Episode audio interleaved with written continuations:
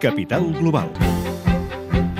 Per alguns, l'acord de mínims entre 10 estats de l'eurozona per tirar endavant el 2016 una taxa a les transaccions financeres és un fiasco. Per d'altres, és un pas endavant perquè els bancs també s'acabin fent càrrec de les conseqüències de la crisi.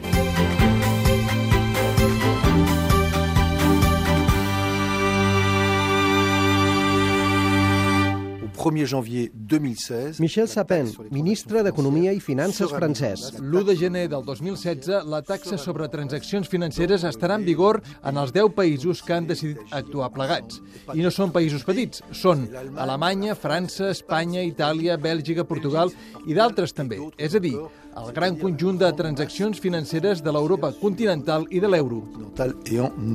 Natalia Alonso, responsable d'Oxfam per la Unió Europea. Pues la verdad es que esperábamos un acuerdo mucho más ambicioso y estamos un poco frustrados al respecto. Pensábamos que iban a concretar más no solamente la fecha, pero también la asignación de los recursos y qué productos iban a estar cubiertos por este impuesto. Stephen Fiedler, editor del Wall Street Journal a Brussel·les, té prop de 40 anys d'experiència en mercats financers. De vez en cuando en los últimos dos años hemos pensado que la idea murió, pero hay un nuevo impulso. Ahora pienso que es más probable que antes.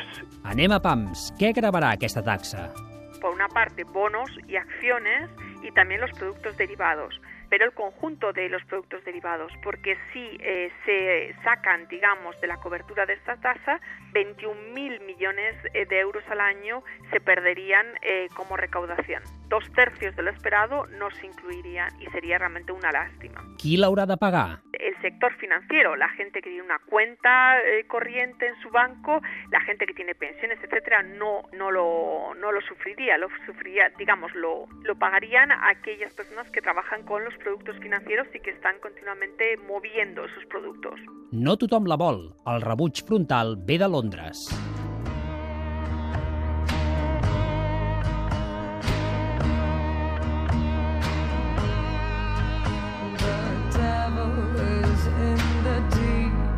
El notable pes de la City al PIB britànic hi té força a veure. George Osborne, ministre de Finances del Regne Unit.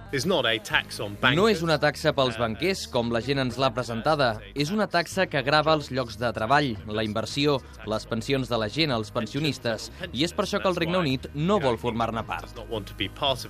Els lobbies financers estan preocupats perquè veuen que ara va de debò, després d'anys de retard, i aleguen que la taxa farà més difícil l'accés al capital pels inversors. Xavier Rolet, president de la Borsa de Londres, en declaracions al Financial Times. Dono les gràcies una altra vegada al govern britànic per haver detallat l'impacte d'aquesta mena de taxa sobre les transaccions a l'hora d'aconseguir capital per emprenedors.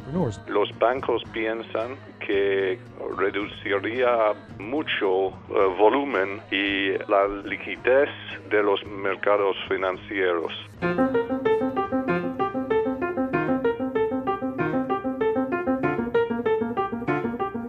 Hablando de un porcentaje bajísimo de contribuciones. Cuando uno le pregunta, y bueno, ¿y, ¿y, a usted qué le parecería razonable como impuesto? Pues un 10%, un 20%.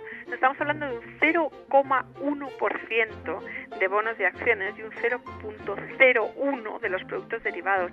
És a dir, si per exemple es fa una operació de derivats de 100.000 euros, l'import a pagar serà de 10 euros. Això pot tenir efectes perniciosos pel mercat o ser un antídot a l'especulació? Potencialmente sí, puede, puede reducir especulación, pero hay algunos que dicen que tal vez también menos liquidez y más volatilidad. Les ONGs ho tenen clar.